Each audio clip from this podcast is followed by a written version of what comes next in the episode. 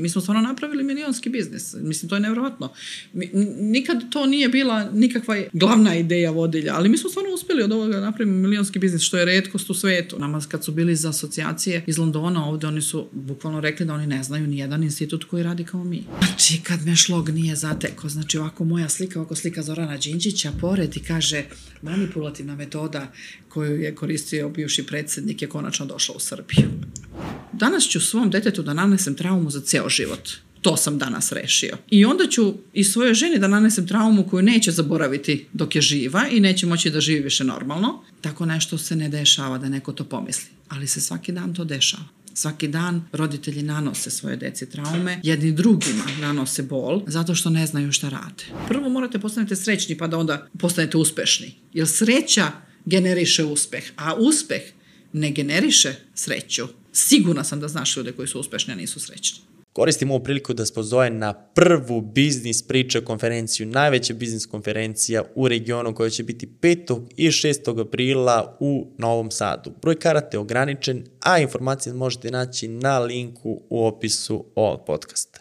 Ako tražiš jednostavan i pristupačan način za međunarodna plaćanja, Payoneer ima rešenje. Payoneer je vodeća globalna platforma za međunarodna plaćanja koja sarađuje sa freelancerima, malim, srednjim preduzećima, kompanijama i tržištima u cilju rešavanja njihovih najvećih izazova navezanih za proces plaćanja. U samo nekoliko klikova preko Pionira možeš otvoriti poslovni račun u inostranstvu. Bez obzira da li se nalaze u Americi, Evropi ili Aziji, klijenti ti veoma brzo i jednostavno mogu platiti lokalnim bankovnim transferom i tu valuti koja njima najviše odgovara. Zaboravi na beskrajnu papirologiju, uz brzu online registraciju otvori račun u regionu gde su i tvoji klijenti. Link za registraciju se nalazi u opisu podcasta, bilo da gledate ili slušate neko skaliranje, dalje, dalje neki ono level up. Tako ćemo da krenemo. Prije za to. Apsolutno, da, da, da. Iz grešaka. Biznis priče. Danas u gostima Alfa i Omega NLP sveta, Slavica Squire, osnivačica NLP instituta, Slavice, Ovako najavu nisi imala nikada. nisam, nisam, upravo se smijem tome. Ovaj, stvarno je dobra najava, onako skromna baš. Za NLP institut ili, ili ovaj prvi deo? Taj prvi deo. Slavice, ti kad neko spomene kod nas NLP, ti si prva asocijacija. Da bi se to desilo, uložila si mnogo truda, mnogo godina ostavila onaj život o kome svi sanjaju, imam sve. u korporaciji sam, u Nemačkoj, ti se vratiš u Srbiju, da ljude učiš šta je to NLP, mešali su ti, kako su te zvali tada? NLO. da, kada sam došla u Metalac, Gornji Milanac, ovaj, tada su me zvali NLO, pošto znaš šta, tad niko nije znao šta je NLP, sad ljudi znaju, priča se o tome, ali tad se ništa nije pričalo, pa onda znaš, um, najbliži ekvivalent kao NLP-u je NLO bio i to je to. Slično nešto. Pa da, kao najsličniji. A pre nego što što si došla u Metalac, to je bila u generalnu Srbiju, vratila se 2004. godine, ti si ostavila karijeru, ajmo da krenemo od toga, završila si PMF ovde i otišla u Nemačku. Jesam, ja se 2004. još nisam vratila samo to, ja sam se vratila tek možda 2007. ovde. Da li prvi neki Da, povrat, ali kad sam počela da radim ovde, da je bilo 2004. A pre toga sam, da, otišla u Nemačku, ono, ono ludo vreme, znaš, ja sam se udala ovde za Nemca i onda, pošto je ovde bilo ludilo i se gore i gore, mi smo odlučili da ćemo živjeti u Nemačkoj dok se ovo ne smiri. Misleći da će to da bude dve, tri godine, znaš, ali onda je to postalo mnogo više od dve, tri godine, i, ali smo se na kraju pak vratili. I tamo si radila u korporaciji, prodaji? Jesam, da, bila sam prvo um, account manager u jednoj firmi, pa sam onda prešla da budem uh, key account manager u drugoj firmi, pa sam u toj firmi postala uh, direktor prodaje, projekt manager i tako. I jel si tu u firmi prvi put uh, čula i videla šta je NLP i došla u dodir? Da, kada sam prelazila iz te, da sam bila account manager u, u key account managera, ovaj, iz firme u firmu, ja sam onda um, dobila, rekli su mi da moram da imam neku edukaciju i tako dalje i dali su mi odmah ugovor da, da ponesem kući da pročitam i da potpišem da pošaljem sutra dan. I ja dok sam čitala taj ugovor, mislim, oni su mi rekli da je u razgovoru da će biti neka edukacija, šta ja znam, ali mi nisu rekli ono što je stajalo u ugovoru. U ugovoru je stajalo da moram da prođem tu edukaciju, da položim, položim sertifikaciju i da ako to, ako položim, da onda imam pravo da nastavim da radim u firmi, a ako ne položim, onda gubim posao i moram da platim 3.500 maraka koliko košta ta edukacija. Meni to bilo ono šokantno kao, ne znam, član 3, tamo NLP, nešto ne znam šta je NLP. To je bilo 2000, je, e, to je bilo da, to je bilo uh, 99. Sad kad malo razmišljam, to je bilo 99. da. Ja sam trebala da počnem 2000. da radim, ali 99. krajem. Znaš, nije bilo toliko baš uh, internet, nije bio kod danas, znaš. Ja sam ubaci, ubacila u internet, onda sam našla NLP, nešto, svašta je bilo tad. Ovaj, ali ne toliko ko, ko sad, znaš, našla sam nešto i rekao, ma dobro, znaš šta, ono, Položit ćemo. Pa, prvo sam mislila kao, da li znaš, da li ja da rizikujem posao, da li ću ja to položiti, znaš, a onda razmišljam, ej, bre, završila sam PMF u Beogradu, znaš, ko, ko, je, ko je to prošao, ni pakao mu neće biti težak. I onda rekao, taj švapski kurs, šta god da je to, položit ću neki de život. I ovaj, potpišem taj ugovor, pošto, znaš, bila mi i plata bolja i auto bolje i sve bolje, pa rekao, ajde, potrudit ću se. I kad si otišla tamo na, na kurs očekivanja, kakva si imala? Pa da znaš šta, završimo to. imala sam očekivanja, jer sam ja prethodno bila na mnogim edukacijama, sam već radila 7 godina u prodaji i imala sam neke, neka očekivanja da će to biti još jedna smaračina kao i do sad, znaš, oni kursevi za prodaju koje drže ljudi koji nikad ništa nisu prodali pa ni taj kurs, koji nas smaraju, troše na vreme i samo nemam vremena dovoljno da, da postignem svoje prodajne ciljeve jer se bavim tamo. I uvek sam bila u fazonu, dobro, ajde, preživjet ću i ovaj glupi kurs, šta da radim. Međutim, prvi dan kad sam otišla tamo, ja sam bila raspamećena. Znaš, ja, ja nisam znala, znaš, da li sam bila više a, srećna ili više tužna. Da li sam bila više srećna što sam konačno upoznala, znaš kao, da li je moguće da ovako nešto postoji, a ja ne znam i konačno sam upoznala to, ili sam bila tužna, da li je moguće da ovako nešto postoji, a ja sve ove godine za to ne znam, znaš, ono kao, stalno sam imala ta pomešana osjećanja, kao, gde je bilo ovo ceo moj život, razumeš? A šta ste radili na, na tom prvom treningu? Pa na prvom treningu smo radili neke onako, kako kažem, ključne stvari koje ti otvore oči da vidiš u stvari tu neku um, različitost koja nastaje potpuno, ko- koje potpuno nismo svesni, zbog koje mnogo vremena, mnogo energije gubimo pokušavajući da dokazujemo jedni drugima ko je u pravu. Um, ti shvatiš onda da niko nije u pravu, da svi u pravu i shvatiš da uopšte nema potrebe da gubiš energiju za tako nešto i onda ti se otvori ceo jedan svet. Znaš, sam Deepak Chopra kaže kao 85% vremena trošimo da dokažemo drugim ljudima da smo u pravu. Ej, 85% energije, dobro ne on to sigurno naučno dokazao, ali ali, ali puno, puno, ovaj, puno se energije troši u svakodnevnom životu toga da mi mislimo da sam ja u pravu, on nije u pravu, on je idiot, on je budala, on je ovakav, on je onakav. I onda se ja nervam, gložim se do toga što je sad meni šef idiot, što je meni muž idiot, što je meni dete ovakvo, što je meni ovaj, a onda shvatiš u stvari da postoji jasna struktura a, ljudskog uma i da je različita kod mene i da je različita kod tebe, ali da ja mogu jasno da razumem kakva je kod tebe i kakva je kod mene i gde je tačno razlika i zašto one nastaju i kad to razumem mogu prema tome da se ponašam drugačije i mogu da te bolje razumem ako si mi važan u životu, na primjer ako si moj muž, ako si moje dete, moja sestra, moj brat i da onda mogu sa tom da imam jedan sasvim drugačiji nivo komunikacije, da ne moramo više da gubimo vreme na to ko je u pravu, jer ja razumem kako funkcioniše tvoj način razumevanja i razumem da je moj drugačiji i onda mi je to skroz okej. Jesi videla odmah gde ćeš primeniti to Da, sa, ja sam- sa kursa? ja sam bila kao, znaš, ja nisam mogla da čekam da izađem sa kursa, da odem ono, u klije, kod klijenata da, po, da, da isprobam to. Ja sam išla kod klijenata. Pre tog kursa, pre prvih dana kursa nisu htjeli da me puste uopšte na klijente. Ovaj, oni su bili kao, ne, ne, dok ne upoznaš neke osnovne principe NLP-a, kao ne možemo te mi pustiti naše klijente, kao moraš da razumeš. Ja sam bila u fazonu čoveče, izabrali ste me, znaš ono, hteli ste mene da dođem u ovu firmu, a sad kao dok ne naučim taj vaš NLP, šta god da vam je to, ne, ne puštate me na klijente. Međutim, na, prvom, na tim prvim danima kursa ja sam razumela zašto je tako i, ovaj, ja sam jako puno koristila NLP u praksi i ja sam uspela za godinu dana da podignem promet uh, u, u u tom, um, u, u toj regionu u- koji mi je, po, da, koji mi je ponuđen, ja sam dobila kao region jedan, ovaj, to je Baden-Württemberg, to je Nemačka je južno se deli na Bavarsku i Baden-Württemberg. Ja sam bila u Baden-Württembergu i oni su najduže ta firma postojala u Baden-Württembergu, mislim tu joj je sedište. A, ali ja sam ipak u toj zoni da se najduže radilo uspela da podignem promet za 110% za godinu dana i zato sam sledeće godine dobila ponudu da budem direktor prodaje, zato što se širila firma pa je direktorka otišla dalje, a ja sam mogla da dobijem to mesto. I ovaj, ali sam to stvarno postigla samo koristeći se NLP-om. Ja sam prethodno znala da prodajem isto, zato su me i uzeli.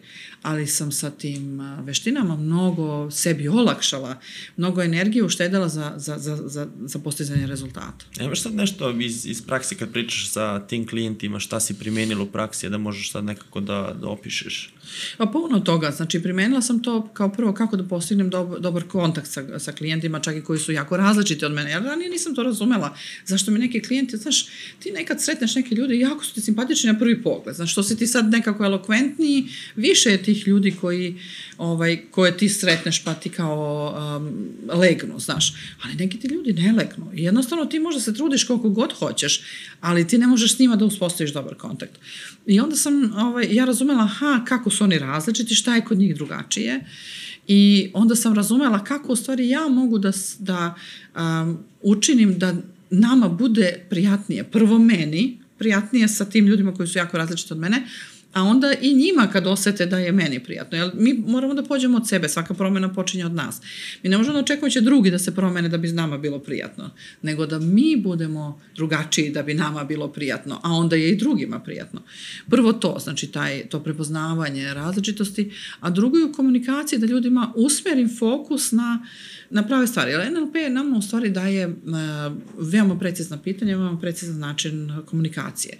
I on nam pomaže da u stvari usmerimo fokus nečiji na ono što je njemu korisno i, i da razmišlja. Pa, na primjer, evo, jedan banalan primer iz prakse, uh, pošto je ta moja šefica koja je uh, ovaj, um, kasnije isto otišla, ona je, je on bila ranije na mom mestu. Znači, a pre, ona je radila samo šest meseci tu, a pre nje je bio neki drugi, neki momak koji je bio sad šef internacionalizacije, ona je bila moj šef, a ja sam ovaj, radila to. I sad ja kad sam dolazila kod tih, to su bili prodavci automobila a, koji su imali razne ugovore, ne znam da Mercedes, Jaguar, ove one, I sad ja dolazim da se predstavim, pošto su mi radili s njima, i sad oni kažu, ja, opet neko novi, znaš, iz ove firme. Sad njima je ve, već muka živa, znaš, ono, već treći neko dolazi, recimo, u, u godinu dana.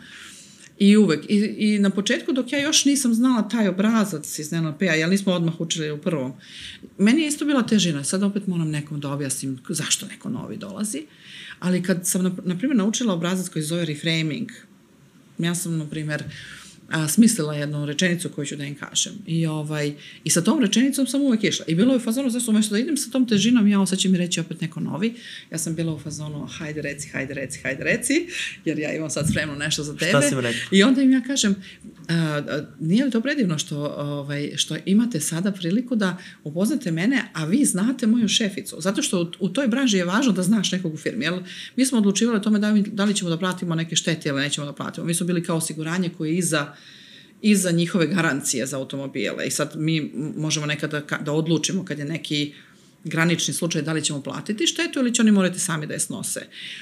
I za njih je bolje da znaju nekoga u firmi, znaš, da imaju kao vezu. Ja sam joj rekla i sad imate vezu. Vi znate, pa žena koja je dolazila pre mene, ona je sad moja šefica. A onaj koji vam je dolazio pre nje, on je sada šef internacionalizacije, on je velika faca u našoj firmi.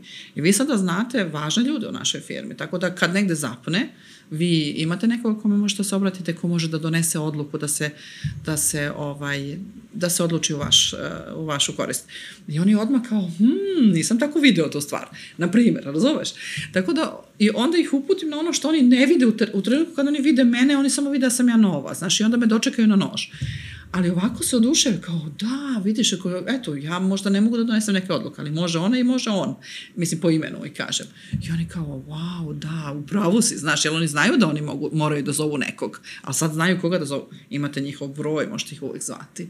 Ali to ona uh, tajna tehnika manipulacije do koje ćemo kasnije da, da pa, dođemo ne postoji, ne postoji tajna tehnika manipulacije, to je samo zabluda koja ovaj, vlada, nažalost, o NLP-u.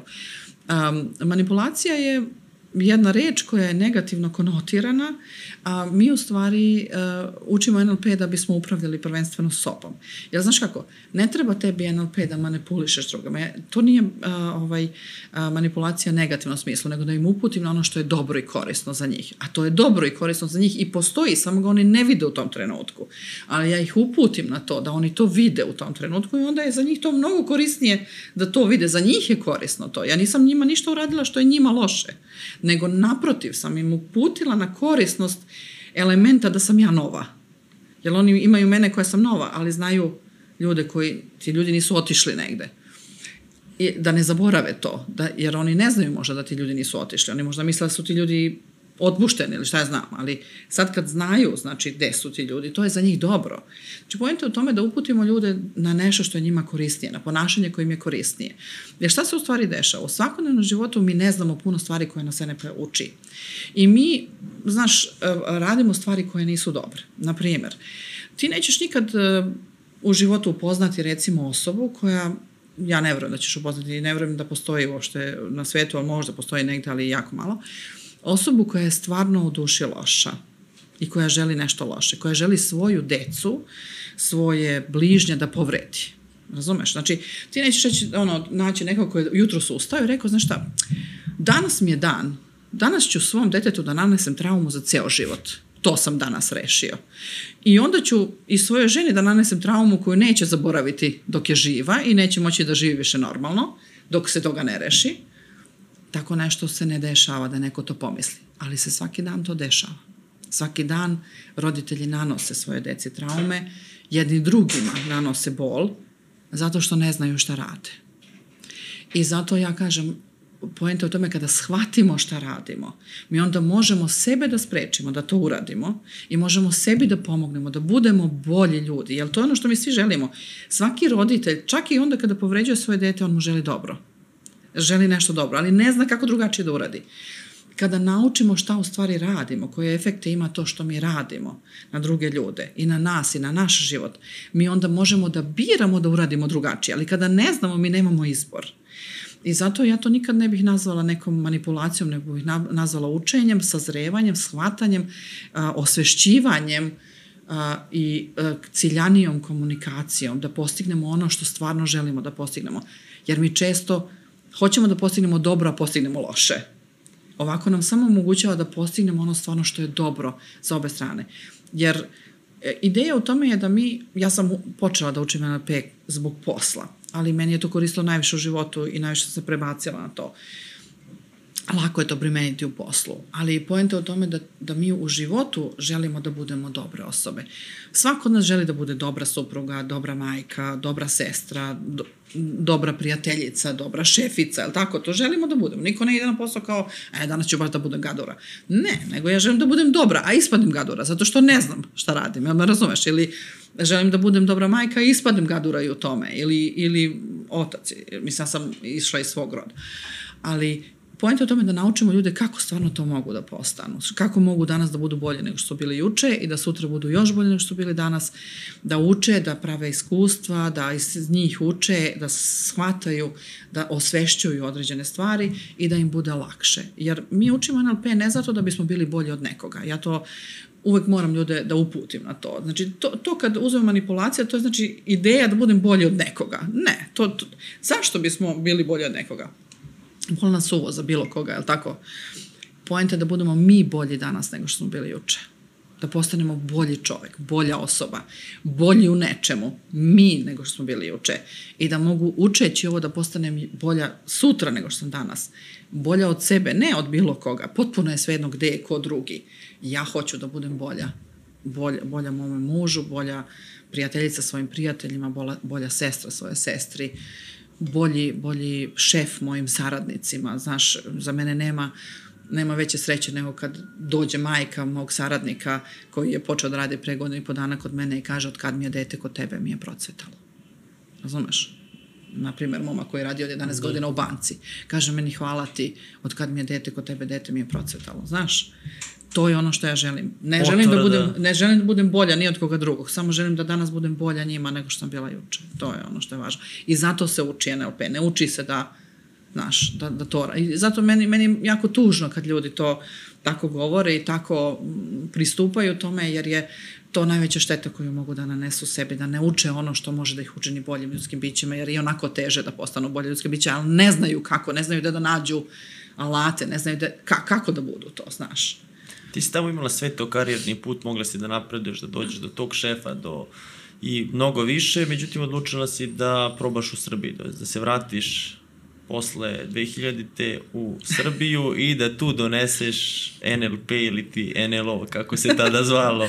pa znaš šta, ja sam taj prvi dan kada sam to upoznala, bila u fazonu čoveče, ovo trebaju svi da znaju. A onda sam bila u fazonu, pa ovo treba da znaju ljudi kod nas, naročito ljudi kod nas. Znaš, Balkan je onako otežan još mnogim, mnogo više stvari nego, nego čini mi se ostali svet. Ali u svakom slučaju meni je Balkan u srcu, znaš, više. I ja sam bila u fazonu, ja, ja zaista želim ovo da, da, da, da ljudi kod nas nauče, znaš, da, da, da, da pomognem ljudima da nauče, treba im ovo.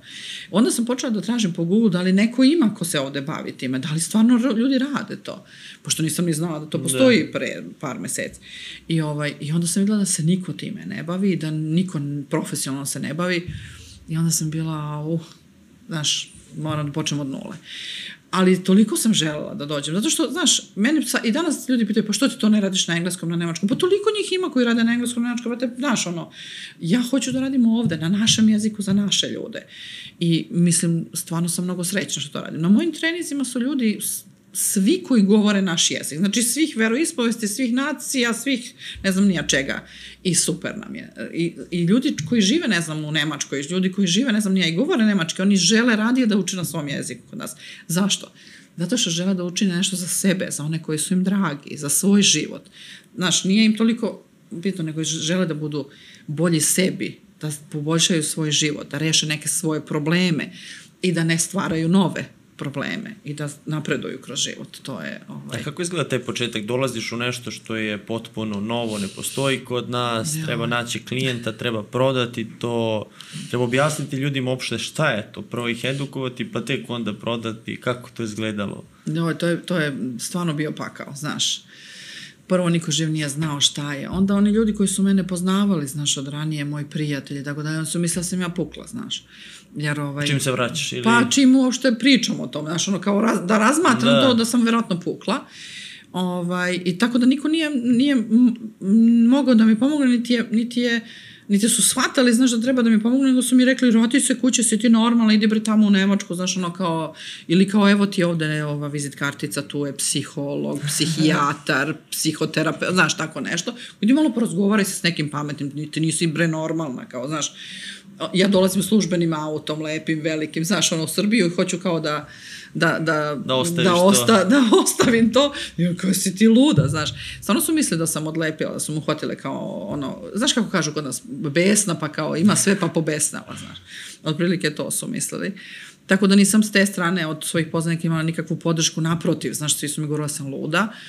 A, ovaj, a s druge strane nisam znala gde da idem, znaš, nisam znala šta da radim, ono, ne, ne znam gde da idem, šta da, znaš, šta, šta da radiš, šta mi sad, ono, dođeš ovde i kao imaš nešto što nitko zna da postoji, a time ne zna ni da mu treba, znaš. I tako, stvarno nisam znala. Ja sam prvih nekoliko meseci onako nekako dolazila par puta, ali nisam znala gde da idem, znaš. To skoro sam bila slučajna. I ovaj, i skoro da sam ono bila na ivici da odustanem, jer nisam znala da da nađem prvog klijenta šta da radim.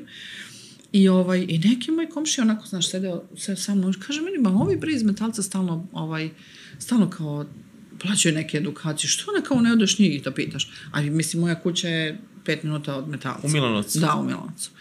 Moja mama tad bila živa, ja sam tad bila kod nje, znaš, kad dođem. I ovaj, I ja kažem, pa ne znam šta. Kaže on meni... Gde će oni, da? Pa otkud znam, znaš, ono, ne, ne znam koga da zovem, znaš. Pa kaže on meni, pa evo ti kao broj, ono, imaš tu broj metalca, pa kao zovi, znaš. I kaže on, ma pitaću ja kao, voz... ne, moj komšija je vozač kao direktora, znaš, pa ću ja njega pitam za neki broj. Sad taj vozač direktora da broj telefona sekretarice direktora koji stoji na sajtu, sam mogla na sajtu da ga vidim, razumeš? I, ja kao zovnem taj broj telefona, znaš. I, ovaj, I sad ona mi se predstavi, ko, sećam se koji juče bosa se zvala, kaže ja sam sekretarica kao direktor, nije tu, on je na nekom putu i sad ja njoj pokušam šta, ne znam odakle da krenem, razumeš? Ali joj kažem da ja već u petak moram da idem u Nemačku, kao, znaš, ja zovem recimo utorak, a u petak moram da idem u Nemačku, već ima, imam ono, moram da idem, znaš.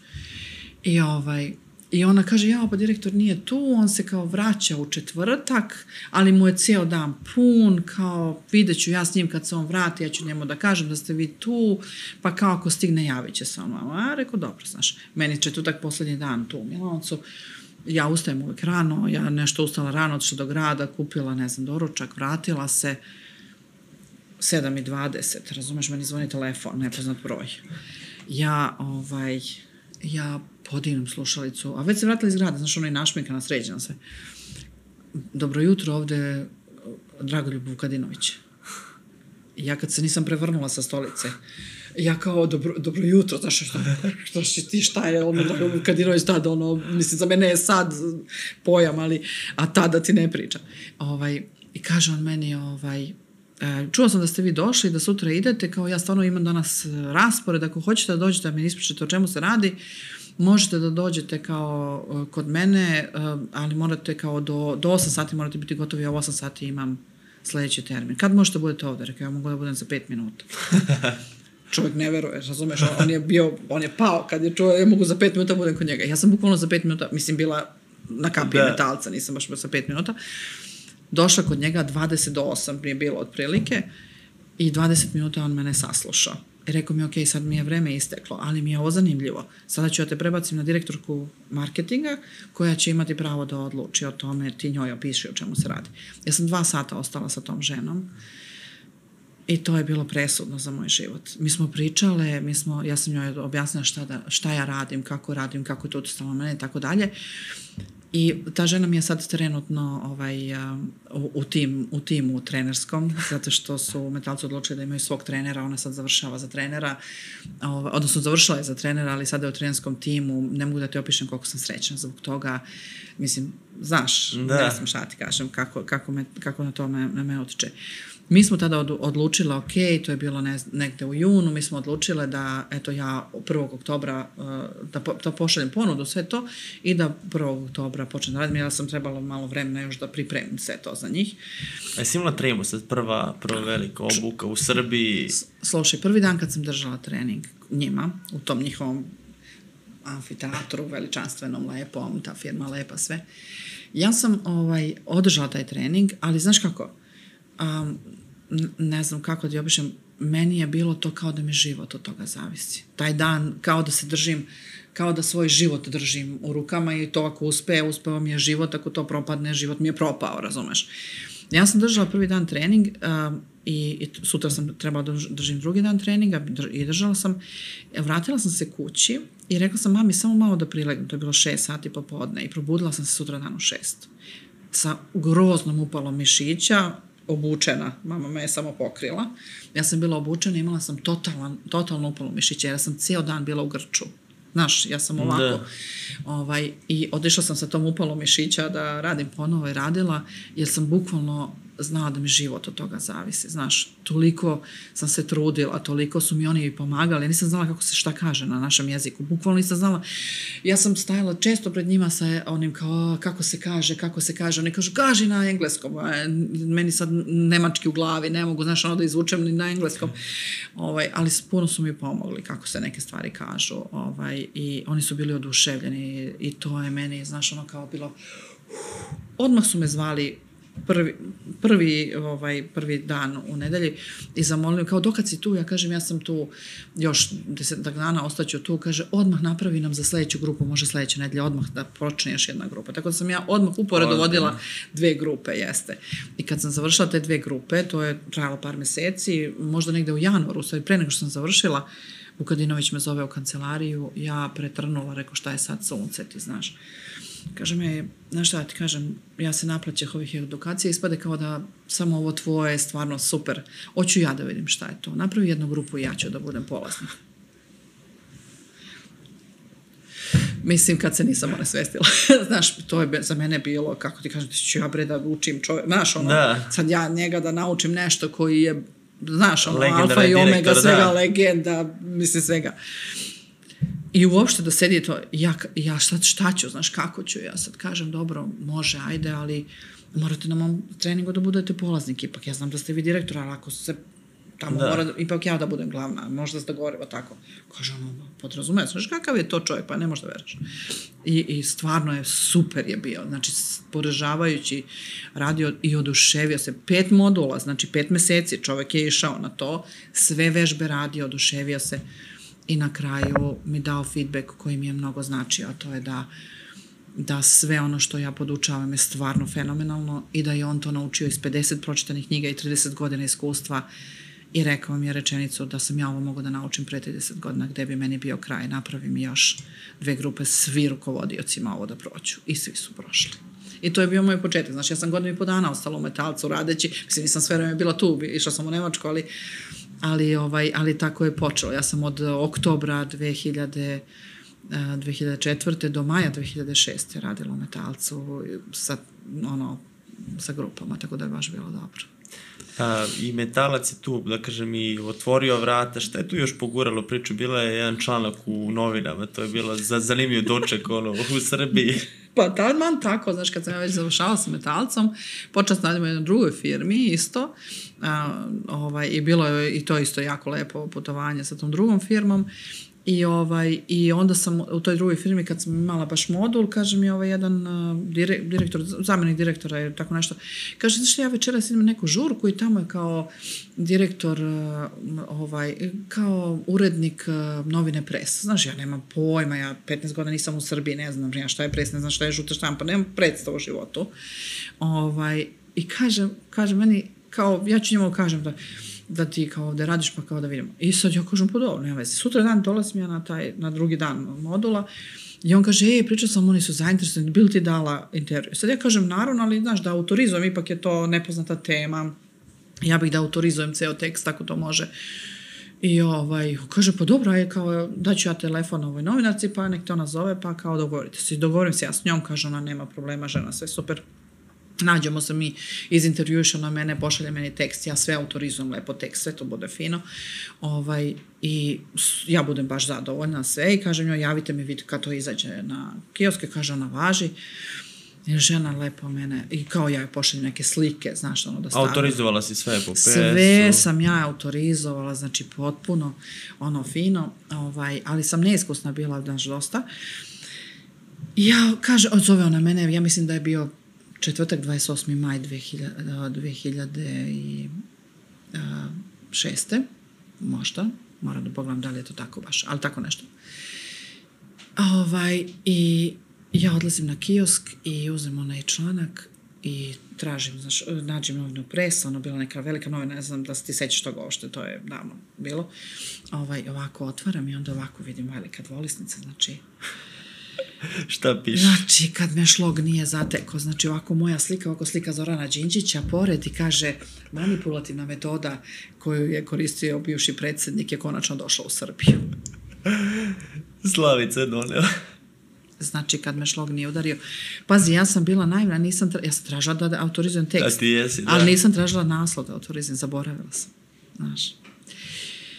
Šlo kad me nije udario. Znači, tekst je ono, jedan na jedan kako sam ga ja stavila, ali sam naslov zaboravila. Ja zovem ovu, kad sam došla sebi, kad sam u vazduh uzela, znaš, ono, ja sam, malo se nisam onesvestila na to i, ovaj, ja, bože, dragi, ja onda ništa, zovem nju telefonom kad sam se malo smirila da ne bi je ubila, znaš.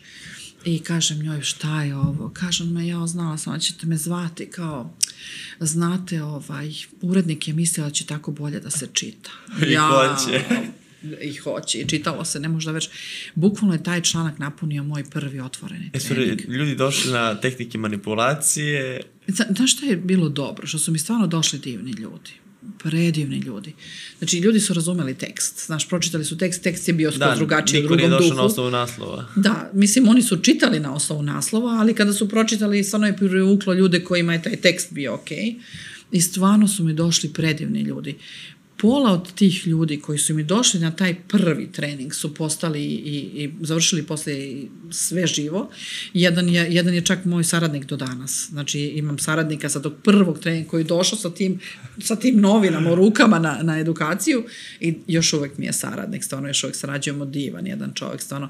Znači predivna je to bila grupa i, i sledeća grupa posle ovaj, koju, s kojom sam radila je već bio istok u sledećoj, u drugoj. Doći u, u, u grupi broj dva. do, do, doći ćemo i do, i, i, do, i do istoka. Zanima me baš prvi, ajde da se vratimo na metalac, kad si dala tu prvu ponudu, si imala tremu kako ću ja sad da formiram a, prvu grupu ponudu za, za tu edukaciju, kako ću ja, jesi imala tu tremu? Ma to nije, stvarno, meni je, trema, sam, meni je trema bila vezana za to da li će to da uspe, da li će ljudima se dopade, da li će to da uspem da im prenesem koliko je to korisno i koliko je to važno.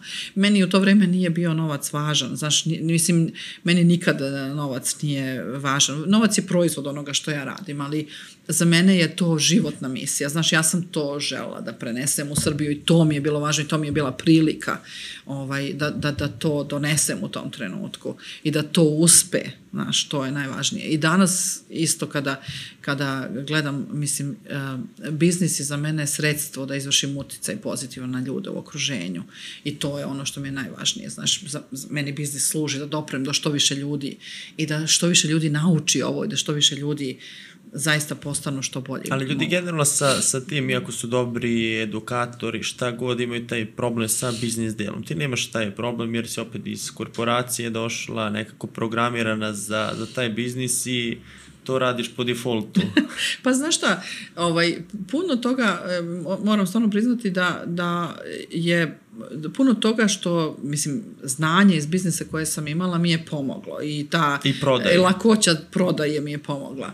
Ali najviše mene goni ta želja da doprem do što više ljudi i da stvarno ljudima kažem, ej ljudi, aman, znaš ono, ja bi išla po ulici, drmala ljude, aman ljudi, ono, kao naučite ovo, ovo će vam, mislim, potpuno pomoći da, da lakše i lepše živite, ovaj, ispunjenije i zadovoljnije da živite, jer znam da se da ljudi pate zbog, znaš, a ne moraju da pate. Znaš, taj nivo patnje u, u, u, u okruženju je ogroman. Uopšte, uopšte ne mora da bude toliki. Može mnogo da se smanji nivo patnje samo razumevanjem tih nekih osnovnih stvari koje su iz NLP-a. Bukvalno, ljudi kad prođu NLP starter, njima kao uf, nivo patnje, znaš, onako se spusti mnogo. Pa, znaš, a da ti ne pričam ono da završe cijelu edukaciju.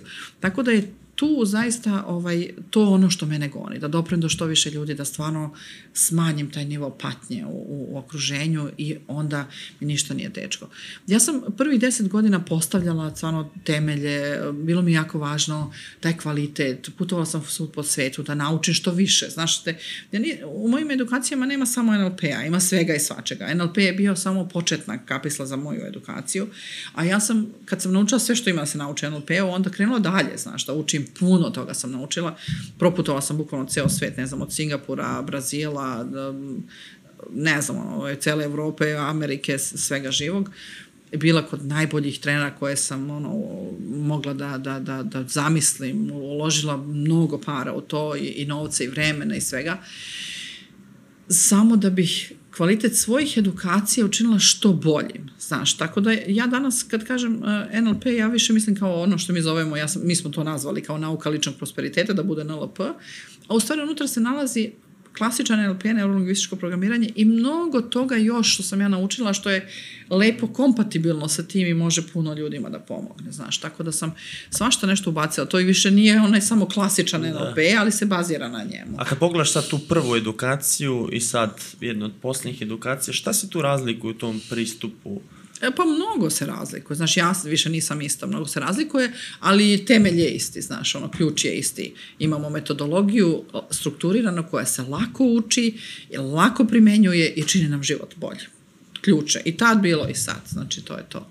Od tih prvih deset godina što se tiče i proboja i razvoja biznisa i tih edukacija, šta ti je bilo najteže, najveći izazov? Pa najteže mi je možda bilo to što sam uh, se nekako osjećala usamljena, znaš, ono, jer uh, i, i, to, i to što je bilo ovaj, to novo, znaš, to što je ljudima to bilo nepoznato i, i novo i, i onda, znaš, još te, još te neke um, ideje o tome da je to nešto, šta ti ja znam šta, znaš. To mi je bilo najteže. Uh, kasnije, kada sam, kada sam srela mog muža, mog Milana, kada je on ušao u moj život, to je, ja sam već deset godina bila na tom putu, ali onda mi je bilo mnogo lakše jer je nekako on uh, a, rekao, ali ljubavi, pusti ti mene da ja radim kao marketing, znaš, kao da ljudi, da što više ljudi sazna za tebe. Ja nisam imala vremena da se toliko bavim time, znaš.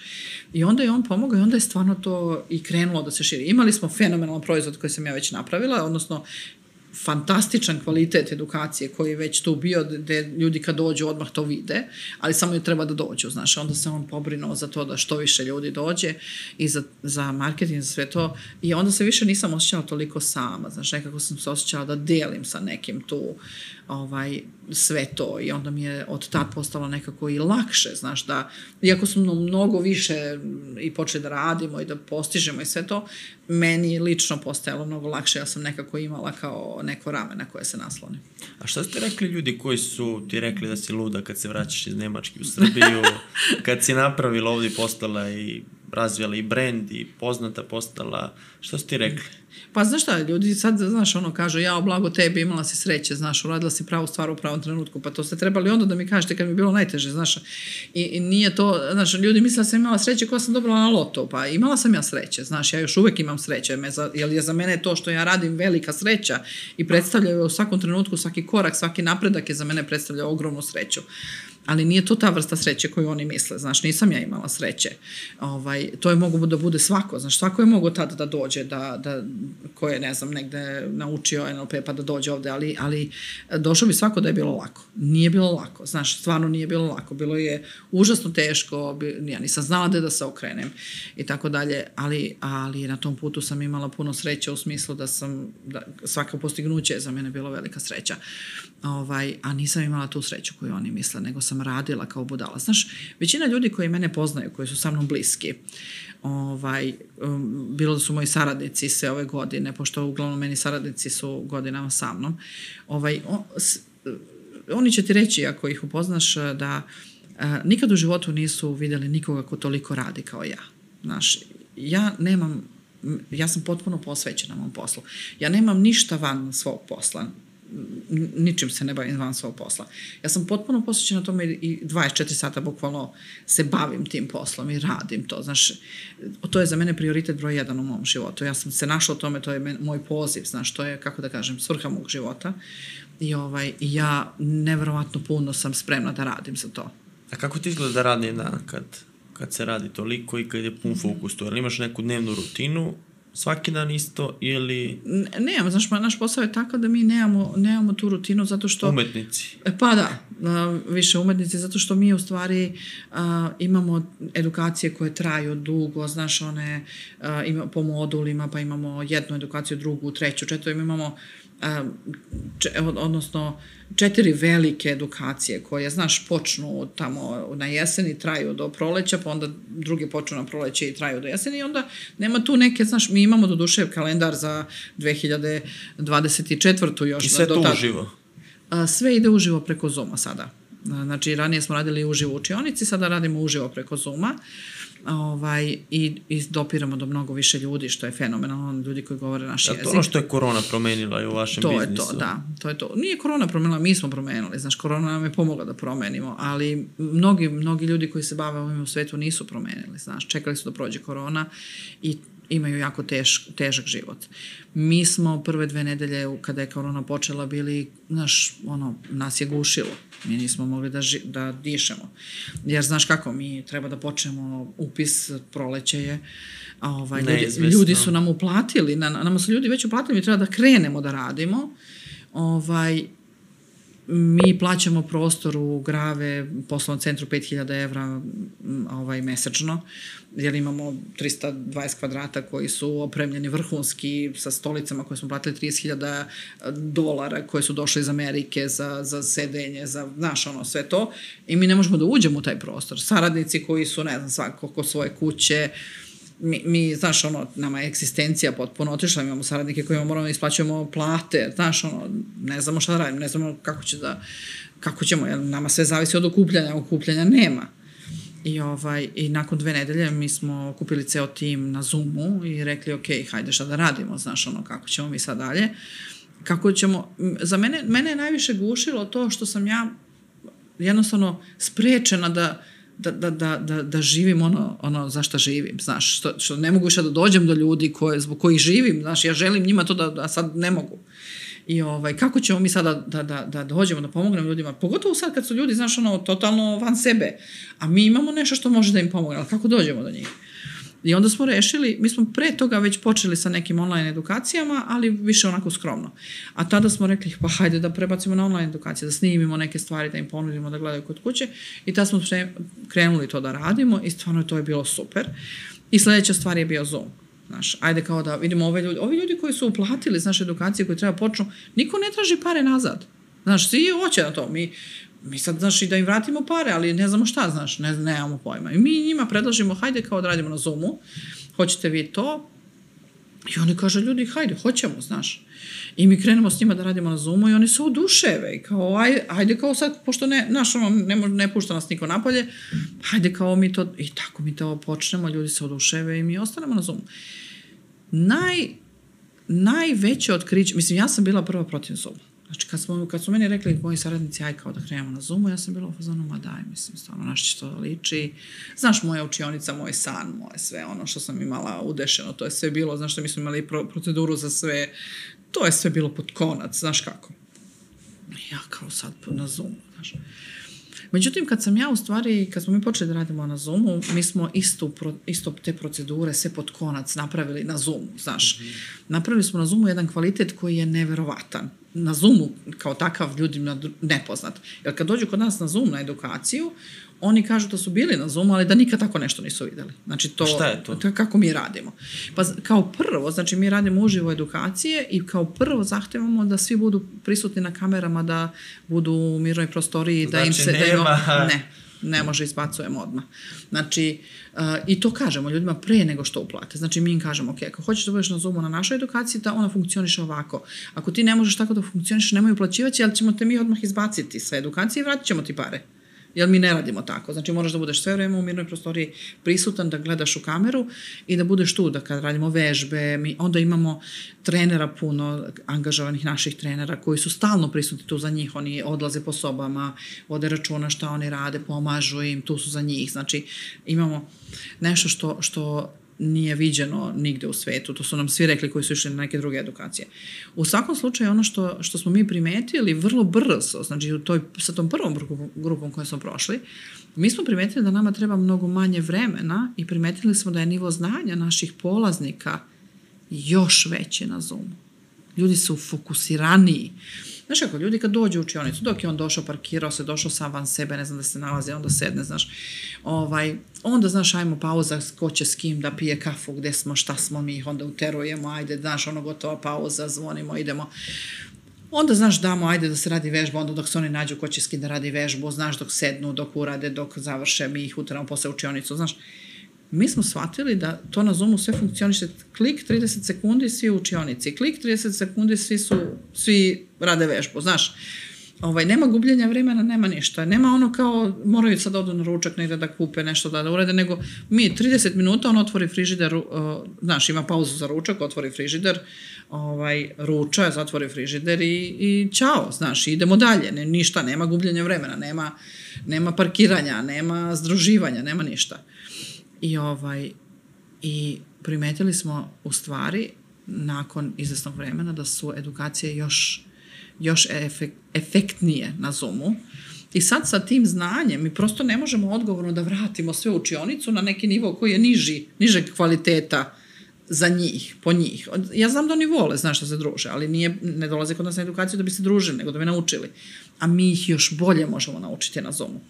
Na način na koji mi radimo, koji je vrlo specifičan način vrlo kvalitetan i zbog toga, znaš, imamo stvarno ono, tu odluku da ostajemo na Zoomu jer Zoom nam daje neverovatan kvalitet edukacije na način na koji mi radimo. Znači, moguće je na Zoomu napraviti kvalitetnu edukaciju. Kvalitetniju nego u učionici. Mnogo kvalitetniju. Znači, ja odgovorno tvrdim. Da moji polaznici koji su sada još više nauče nego oni A ste pre. videli neku promenu sad kad se završila ta situacija sa pandemijom, kad su ljudi malo krenuli uživo da, da se kreću, taj odnos prema a, Zoomu, ostalim platformama gde su ljudi uželili tog uživo kontakta? Verovatno jesu, s tim što naše edukacije, znaš, traju dugo i ozbiljne su edukacije, završavaju sa sertifikacijom. Mi nismo primetili neku e, značajnu, kako bih rekla, promenu. Ljudi nam dolaze i dalje na te zoomove. Naročito što nama dolaze ljudi od Australije. Mislim, ja sam pre neki dan u nedelju sam baš držala modul i ovaj, jedna polaznica se javila sa dobroveče. I ja joj kažem, pa gde si ti kad je dobroveče, znaš? A ona kaže, ja, ja, da, ja sam u Australiji, kao, znaš ovaj, jer kod ne dobroveče, kod nas je 9 ujutru, a kod nje je dobroveče. E, tako da mi imamo ljudi iz Kanade, iz uh, Australije, iz, i mi kada bismo sada počeli da radimo učionice, za sve njih bi bilo to uskraćeno, Zatvoreno. znaš, svima njima bi bilo uskraćeno. Tako da smo ovaj, odlučili da ostanemo zbog kvaliteta koji imamo, koji je enormno porastao sa Zoomom, i zbog uh, mogućnosti da, ljud, da ljudima ponudimo koji su naši ljudi svuda u svetu koji mogu da, da prate to i, i ne samo svuda u svetu, nego znaš, cijela bivša Jugoslavija, ljudi nije tako lako znaš, da dođu, ne znam, iz Zagreba, iz Podgorice, iz Skoplja, ali, a ljudi ima puno sada koji su. Mi smo ranije imali možda 5% ljudi iz inostranstva na edukacijama, sad imamo preko 50% ljudi iz inostranstva. Šta kažeš kada ti neko kaže da nešto nije moguće, da to ne može ovde da, da se napravi? Kako to na tebe deluje? Pa ništa, ja se tome smijuljim. Ovaj, ili postavim Jel ima pitanje. to ko, ko tebe da nešto ne mogu, ne mogu zbog situacije, ne mogu zbog ovoga? Pa znaš šta, ljudima sve može da bude izgovor. Znaš, ovde kod nas u Srbiji ti je Srbija izgovor za sve, znaš, kao je, e, u Srbiji pa kao, znaš, je. ja kažem uvek ljudima, znaš, postoje, postoji ta mogućnost da, da razmisliš da, znaš, ako ti ne možeš, ako nešto želiš da uradiš, a Srbija ti kriva što ne možeš, znaš, nisi drvo sedi na autobus pa vozi gde može, znaš. Mislim, nisi drvo, možeš da, da odeš tamo. I ovaj, negde drugde gde to može. Ali naši ljudi, znaš, imaju tu ideju da stalno im je neko drugi kriv, znaš. I, i to, sve dok ti uh, smatraš da ti je neko drugi odgovoran za tvoj život, nema od toga posla ništa, znaš. Nego da vidiš šta je mogu ipak ja i pored svega što je u Srbiji kako jeste, šta je ipak mogu ja da uradim, a da uradim ono što želim da uradim, znaš. To ja kažem uvijek ljudima. Postavite sebi pitanje šta ja ipak mogu i pored svega. Ja, ne šta može on, ovaj, onaj, znaš, nego šta ipak i pored svega možeš. Jer ipak i pored svega što je u Srbiji ili šta god situacije, uvek imaš ljude koji su uspešni u nečemu i koji uspevaju da žive svoje snove. Znači, ajde da vidimo kako, kako to mogu da budem ja. Znaš, šta ja moram da uradim. Ne šta mora da uradi neko drugi, šta ja moram. Jer to je, znaš, čim ti predaš odgovornost na drugog, ti u stvari predaješ moć drugome. I onda živiš kao nemoćna žrtva, jadan ja u Srbiji. Ali onog momenta kažeš, ok, hajde da vidim šta mogu ja. Ja ću da preuzem odgovornost za svoj život, jer moj život je u mojim rukama, da vidim šta ja mogu da uradim i pored toga što je u Srbiji ovako kako jeste, pa ako ne može u Srbiji, hajde da vidim gde može. Znaš. Zar ima ona druga grupa koju si spomenuo gde je došao Istok Pavlović 2000 i neke... Pa da, znaš šta, to je bilo, to je bilo vreme 2006. Mislim, kad sam ja počela tu prvu grupu, to je bilo juni, a onda sam negde tamo u novembru započela još jednu grupu. I to je bio isto, mislim, tada sam imala, pazi, sada imam preko 120-130 ljudi u NLP practitioner edukacija, tad sam imala 600. Mislim, možeš misliti. Čisto da, objasniš da ljude koji ne znaju te nivoje. U Da. NLP-u koliko ima nivoa? A, pa u NLP-u zvanično ima tri nivoa edukacije. Mi, mi smo napravili, da kažem, četiri, zato što imamo taj ulazni kao prvi nivo. Imamo NLP practitioner, NLP, NLP master i NLP trener, ko hoće da postane trener. Ali taj NLP practitioner, mi smo izdvojili prvi modul NLP practitionera i od njega napravili nešto što mi zovemo NLP starter. To je kao naš brand NLP starter. I ovaj, to, to je nešto što traje uh, dva meseca i miks je snimljenih lekcija i Zoom edukacije. Ovaj, imamo uh, Zoom uh, termine kada svi budu tu. Znači, eto, ako ćemo moguće, nemoguće, znaš šta, nama se prijavi tu 350, 450 ljudi, zavisi kako kad, i mi uspemo ono što, redko ko uspe, a to je da nam svi budu na Zoomu. Svi nam budu na Zoomu. Možeš misliti? Svi dođu na Zoom, ali ja imam svoje metode. Češ da otkriš te metode? Isto pretnje morate da budete na Zoomu. da, da, moje metode su ovaj, da, da, malo, pa mislim to je to, znaš, malo ih onako ovaj, sa ljubavlju podržim i objasnim im da ako su nešto platili, neće dobiti nikakvu vrednost za to ako ne budu prisutni, razumeš. Zato što je to sad ljudima malo, znaš, kao ono, ali ja ne mogu, imam smenu. Ne može, ne, ništa smena za meni smenu, znaš, ne može. Pa ali ja imam malo dete, pa nek ti čuva neko drugi dete, zna, ne, znaš, ono, ovaj, ne, ništa, jer kako ćeš, mislim, znaš, to je sad, to ti je, znaš, koncert da platiš, pa ne odeš na njega. Mislim, neće da sad, da, samo zato što ti imaš smenu da neko promeni vreme svog koncerta, znaš, to je kao koncert. I onda ih malo to objasni, znaš, ljudi se zaborave se, malo se zakuci. Ali dobro, nema veze. Ovaj, u svakom slučaju, taj, taj, dvo, taj dvomesečni program ljudima otvori bukvalno oči. Znaš, i to je ulaz u posle edukaciju ko hoće da više nauči i da stvarno stek- stekne sertifikat iz NLP-a, ali za, za ta dva meseca stvarno ljudi ono, znaš, otvore oči bukvalno sa mnogim stvarima i, i skapiraju puno toga i skapiraju šta je NLP i kako njima može da pomogne i, ovaj, i većina njih i nastavi onda da, da uče dalje. A ostalo dva nivoa koje su? Uh, master i trener. Znači, po meni u principu NLP practitioner i NLP master to je jedna edukacija koja ti služi ono da ti jednostavno sebe unaprediš kao ljudsko biće do maksimuma i da iskoristiš svoj potencijal i da spoznaš uopšte svoj potencijal. Jer ljudi ni ne znaju šta im je potencijal. Prvo, ljudi ne znaju šta, šta je njihov potencijal. Drugo, ne znaju ljudi ni, oni ne znaju ni ko su, ni šta su, ni šta žele. Veruj mi, znači ljudi nemaju pojma znaš, te, na, na kraju kraja mi imamo taj, nama, nama se od malih nogu govori šta mi treba i kako mi treba da živimo. Znaš, govori nam neko ko nema pojma šta mi treba da, da, da radimo, znaš. Ne, oni, e, većina tih ljudi koji nama govore, koji su odgovorni za nas, vole nas, dobri su, nisu oni zli A to su generalno roditelji, tako i Roditelji, ne znam, roditelji, okolina, nastavnici, profesori. Znaš, ni oni ne žive život punim plućima. Znaš, kako će oni nama da pomognu? S druge strane, lažu nas, znaš, ceo život nas lažu lažima koje su sami slušali i, i ovaj, znaš, ono, ona priča kao, ma daj, samo tebe čekaju, ma baš ćeš ti. Pa što neću ja, znaš, što, što baš ne je. Pa ti ne možeš da svetiš koliko sam ja puta to čula kad sam rekla da ću ja da budem. Pa kažu, pa da ti je taj NLP nešto, pa valjda bi se neko setio pre tebe da ga donese u Srbiju. Znaš, to, to sam čula jedno deset puta. Ali nije se niko setio, ja sam se prva setila, razumeš, ja sam prva donela NLP. A sto puta sam čula, ma daj, A molim zbog te, čega Slavice. ljudi to pričaju? Šta Pa- njima to znači da oni tebi sad kažu? To je nekako šta- sebe da opravdaju ili tebe da spuste ili da te... Šta god njima da znači, poenta nije u tome šta njima znači, nego šta meni znači. Da li ja dozvolim da to bude, da to bude, da to odredi smer mog života ili, ili ne, razumeš? To je ideja. Znači da, da, da ja spoznam i meni je stvarno NLP pomogao da to ne određuje moj život, da to ne određuje šta ću ja da uradim, to šta drugi govore, nego da ja odredim da li će to da bude, ovaj, da li ću da budem prva ili ne, da ja to odredim za sebe, da ja znam za sebe šta ja hoću i šta je moj poziv.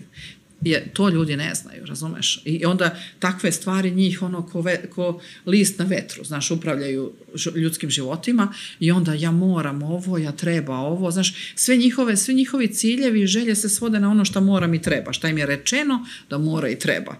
A u stvari to možda uopšte nije ono što žele. Znaš šta je najveći fazon? Što, evo sad kod mene kad dođu ljudi. Dolaze ljudi, na primjer, sa 35, 45 godina. To je najve, najveća cijena grupa kod mene.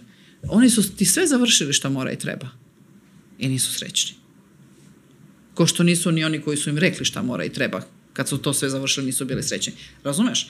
Nisu srećni, zato što nisu spoznali ni šta oni žele u životu. Nisu nikad seli da razmisle. Nikad im niko nije rekao, sedi sad ovde i razmišljaj. Ćuti i misli malo šta hoćeš ti od života, šta bi ti da, ne znam, da, da, da novac nije bitan, šta bi ti da, da, da, da možeš da biraš u životu, šta bi radio, znaš. Većina ljudi ne sadne nikad ni da razmisle šta bi radili, znaš, nego znaju šta treba, šta mora i guraj, znaš, po tome.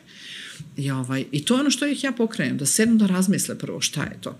Drugo, da razmisle šta su njihove unutrašnje vrednosti, stvarno, ne šta, šta je njima rečeno da su im uh, unutrašnje vrednosti, nego koji je to sistem vrednosti koji njih stvarno iznutra vozi. Šta će stvarno, sa čim će oni sutra stvarno biti srećni? Jer, znaš, uh, uh, zna se ono kao, završiš fakultet, poš- posao u struci, lepo se udaš, oženiš, imaš dvoje dece najmanje, Uh, uzmeš lepo kredit za stan, naš, imaš dobar posao, onda uzmeš kredit za stan, uzmeš kredit za dobra kola i ti treba da budeš srećan u životu. Ali većina ljudi koji to imaju nisu srećni.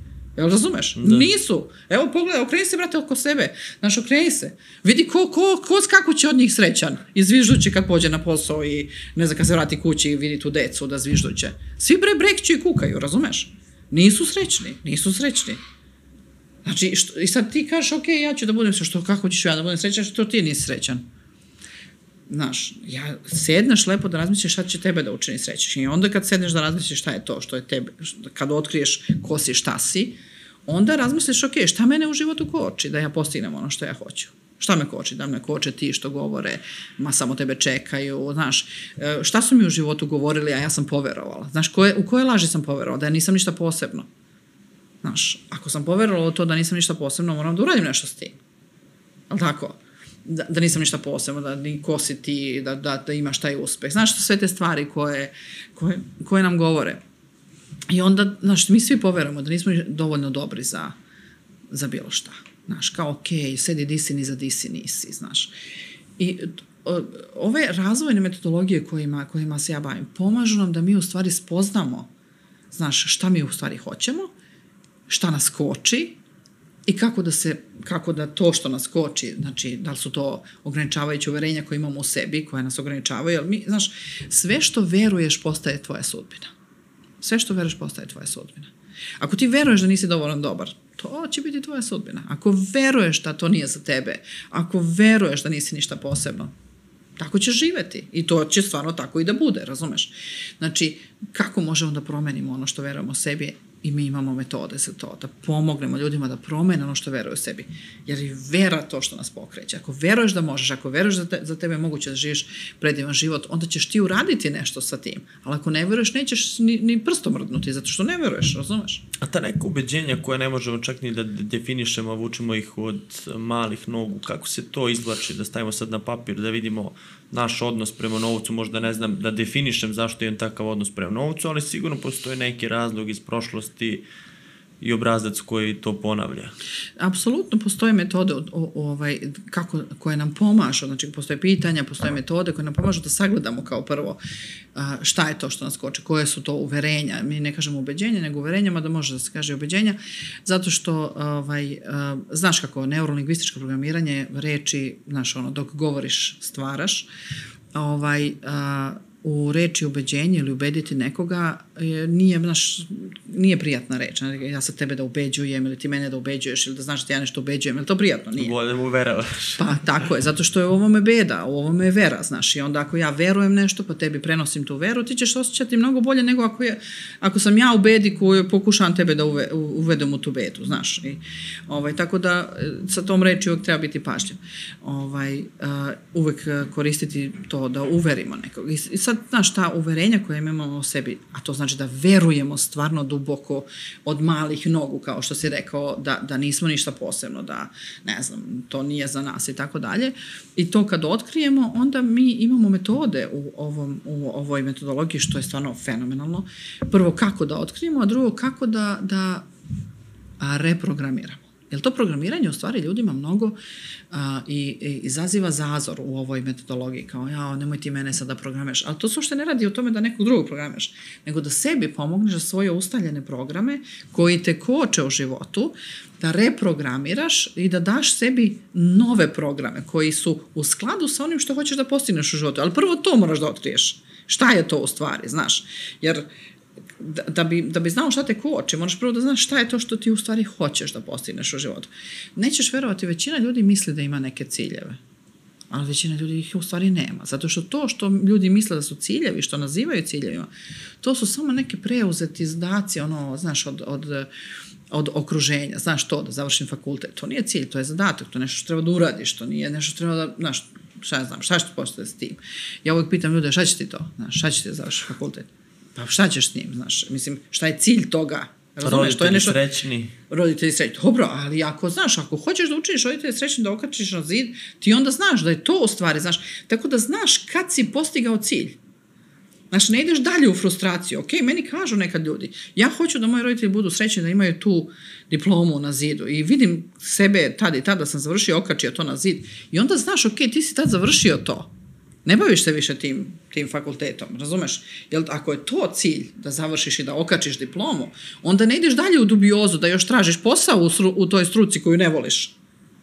Ali onda još roditelji nisu srećni Dobro, i onda znaš, se nastavlja. E, ali to je to. Znaš, roditelji nikad neće biti srećni. Razumeš? Mislim, ako nisu naučili da budu srećni. Ali to je problem, da zato što sad- stvar sreće nije, znaš, stvar sreće nije nešto s polja. Znaš, nije ono što, jer kako da ti kažem, sreća je nešto što je navika. Ili imaš naviku da budeš srećan ili nemaš naviku da budeš srećan. Ili imaš naviku da si nadrndan i da, i da po ceo dan gunđaš nešto. Razumeš? To nema tu. Sreća je nešto što stvaramo sami kao naviku u sebi. Ja to stalno ljudima govorim. Potpuno je svejedno šta u životu postigneš. Ništa te neće učiniti srećnim ako ne umeš da budeš srećan. Prvo moraš da naučiš da budeš srećan, pa onda da postižeš stvari. Jer, na primjer, i to, to je ono što ja objašnjavam stalno ljudima. Znaš, postoji nešto što, mi, e, što, što je kao neki veliki kontejner koji se zove podrazumeva se, na kome piše veliki slovima podrazumeva se, znaš, ovako. I šta se sad dešava? Ti kad završiš fakultet, onog momenta to upada u taj kontejner. Pa dobro, podrazumeva se. Završio si šta sad? Podrazumeva se. Nema to više, to nije izvor nikakve sreće. Tog momenta je ćao.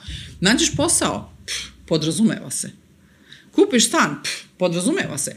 I onda, znaš, fokus samo na, znaš, ja, ima, ima kod mene ono sa crnom tačkom što sam pokazivala na, možda se vidio na Instagramu, ovaj, crna tačka, znaš, samo vidiš crnu tačku. Jer, ima ta priča kao, ne znam, neki zen učitelj, pa ga pitao, ovaj, pitao ga učenik zašto ja ne napredujem, kao ovi drugi napreduju. On rekao kao, ne mogu danas da ti odgovorim, ali sutra kao moram da se pripremim. I sutra ga uveo u jednu sobu praznu na kojoj je beli zid i crna tačka. I pitao ga šta vidiš ovde? I on rekao, vidim crnu tačku. I on rekao, vidiš, zato ne napreduješ.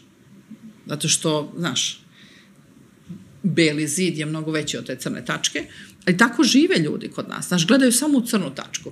Imam, na primjer, ne znam, imam muža, muž mi je kao moj izbor, ajde da kažemo, znaš, to je nešto što je kao na današnje vreme moj izbor, ali ja cijel dan kukam na njega, znaš, ostavio čarape ovde, on je kreten, nije uradio ovo, okrenuo toalet papir naopako, znaš sve te stvari, nemam pojma. I sad muž sutra nađe drugu i onda kuka. Kuka na muža dok je tu, a onda kad on nađe drugu i ode, opet kuka bez njega. Pa čekaj, stani, mislim, znaš ono. Znači, kukanje je defaultno stanje života. Gledamo samo ono što ne valja. Ništa ono što imamo nismo zahvalni za to. Znaš, kad imaš muža koji ti odgovara, onda budeš zahvalan ceo dan za to. Znaš, i kažeš, ja što mi je divan muž, on radi ovo, radi do, ostaju čarape tu, pa dobro, to ćemo reći. Ali, znaš, neće to tebi da promakne te čarape na sred sobe, ne boj se. Ako ti, ali ti promiče sve ono zbog čega ćeš kukati kad ode, znaš. Na primjer, život uh, koji imamo. Mi, ja, ja kažem ljudima, čovječe, Zahvalnost je najvažniji alat i najveća vrlina i majka svih vrlina u našem životu. Džabe smo mi postigli ogroman uspeh ako mi nismo zahvalni za ono što imamo. Čemu onda? Znaš šta, šta ti vredi ako si ti nesrećan i još uvek gledaš u crnu tačku? Jer crna tačka ne nestaje sa zida, znaš. Nas je, nas je priroda napravila tako da jednostavno mi imamo um, koji je tako napravljen da preživimo. Zato naš um se fokusira na ono što je, što je opasnost, što je, znaš, nedostatak i tako dalje. Tako nam um funkcioniše. Ali mi kao ljudska razvijena bića koja evoluiramo, moramo da napravimo balans tome i da kažemo, ok, ja sam sposoban da vidim sve što ne valja, ali daj molim te da razvijem i ovu drugu stranu pa da vidim i ono što valja u mom životu. Pa da kažem, ok, jeste, nemam to, ali imam ovo, imam ovo, imam ovo i zahvalan sam. Znaš šta, ne znam da si ti nekad, ne znam, slomio ruku ili slomio nogu. Nisam. Jesi nekad udario se makar u nešto? Jes. Jesi, jel te bolelo neko vreme? Pa bolelo. Šta, na primjer? Noga ili ruka? Šta? Ruka, noga, sve. Ruka, nema veze. Ovaj, ne znam si povredio nekad nešto na ruci. Mislim, kad povrediš ruku, na primjer, bilo koja da je, čak i da je leva, ti onda vidiš da tebi ona treba. Znaš, i da ti u stvari, da ti je teško, razumeš? Ali kad ti ona radi, ti ne obraćaš pažnju na tu ruku. To je ko, da. tako je, znaš. I to da kažem ljudima, e, možda ustaneš ujutro i kažeš hvala ti, nema veze da veruješ u Boga, u univerzum, u život, nema veze, ja to kažem hvala ti živote, pa sad šta god, znaš.